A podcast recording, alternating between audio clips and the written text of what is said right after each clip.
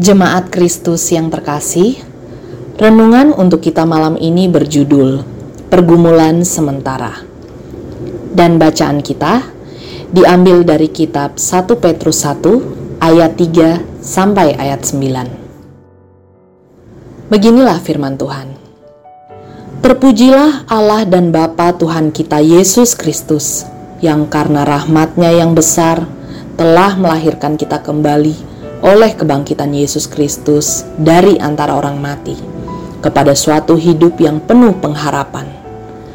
Untuk menerima suatu bagian yang tidak dapat binasa, yang tidak dapat cemar, dan yang tidak dapat layu, yang tersimpan di sorga bagi kamu, yaitu kamu yang dipelihara dalam kekuatan Allah karena imanmu, sementara kamu menantikan keselamatan yang telah tersedia untuk dinyatakan pada zaman akhir. Bergembiralah akan hal itu. Sekalipun sekarang ini kamu seketika harus berduka cita oleh berbagai-bagai pencobaan. Maksud semuanya itu ialah untuk membuktikan kemurnian imanmu yang jauh lebih tinggi nilainya daripada emas yang fana, yang diuji kemurniannya dengan api sehingga kamu memperoleh puji-pujian dan kemuliaan dan kehormatan pada hari Yesus Kristus menyatakan dirinya. Sekalipun kamu belum pernah melihat Dia, namun kamu mengasihinya. Kamu percaya kepada Dia, sekalipun kamu sekarang tidak melihatnya. Kamu bergembira karena sukacita yang mulia dan yang tidak terkatakan, karena kamu telah mencapai tujuan imanmu yaitu keselamatan jiwamu. Saat menghadapi sebuah pergumulan, biasanya kita akan bertanya, kapan ini akan berakhir, dan apakah kita mampu menyelesaikannya dengan baik.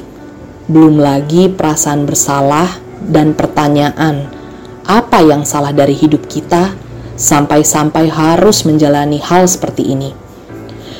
Petrus mengatakan hal yang seharusnya dapat menghibur dan menguatkan kita, bahwa kita saat ini telah mendapatkan keselamatan dari Kristus.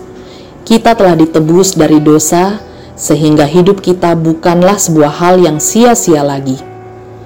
Namun demikian, memang betul bahwa pergumulan masih tetap kita hadapi sebagai konsekuensi kita hidup di dunia. Ada juga sisi lain yang dikatakan oleh Petrus hal baik dari pergumulan yang kita hadapi adalah menjadi proses yang bisa kita jalani untuk memurnikan diri serta mendewasakan iman kita. Dengan demikian, pergumulan tidak selalu adalah hal buruk dan hanya berbicara petaka, tetapi juga sebagai batu loncatan untuk pertumbuhan iman kita. Jangan pernah berhenti, teruslah melangkah semua pergumulan adalah hal yang akan berlalu, hanya keselamatan dari Tuhan yang selamanya. Demikianlah renungan malam ini.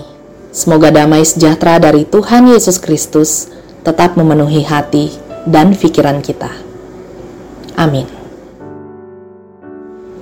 Jemaat yang terkasih, mari kita bersatu hati menaikkan pokok-pokok doa yang ada dalam gerakan doa 21 GKI Sarua Indah.